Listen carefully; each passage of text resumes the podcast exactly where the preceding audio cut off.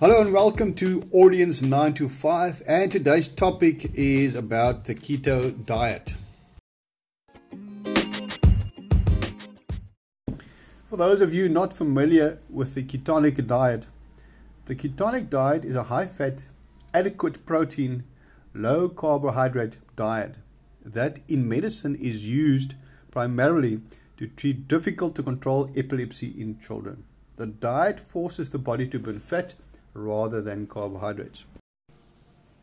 I'm your host, Tony Nelson, and the information I'll be putting forward to you in this podcast is an article written by Prerna from Facty Staff. Many people turn to the keto diet for weight loss, and some experts back the eating style as a low carb option that can facilitate this goal. The diet includes plenty of dietary fats for sustenance. Followers are instructed to get 70 to 80% of their calories from fat, 5 to 10 from carbs, and 10 to 20% from protein. Most of the carbohydrates come with non starchy vegetables. Diets high in fat can help people feel full longer and eat less with each meal, thus promoting weight loss. In addition to added ketones in the blood, the keto diet also causes decreased and more consistent blood sugar levels.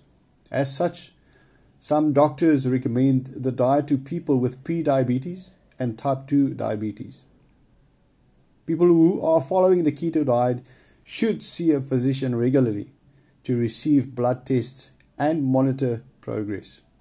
Keep in mind that the long term impact of being on a keto diet is still unknown. The keto diet has a similar edict to other diets, and that is to eat fewer calories than the body burns. And it seems to have a high success rate for weight loss, especially among those with a substantial amount to lose. Part of the reason is that dietary fats are very saturating, making the body feel full more quickly and leading to a reduction in food intake. Some experts also theorize that ketones themselves reduce appetite and change the number of hunger hormones in the blood. As the body moves from using mostly carbs for fuel to mostly fat, there's a brief period where dieters feel off as their bodies get used to the new fuel source. Although many report feeling tired and sluggish at first, after the keto flu feeling has worn off, a lot of people find their energy levels increase. The fatigue may last from one to several weeks and is the period during which the body adapts to the burning fat.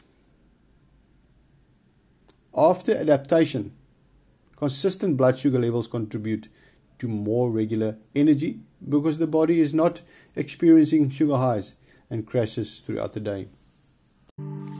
That's it from me. That's episode one. Looking forward having you along for the next episode, and uh, there are more things to discuss on this keto diet.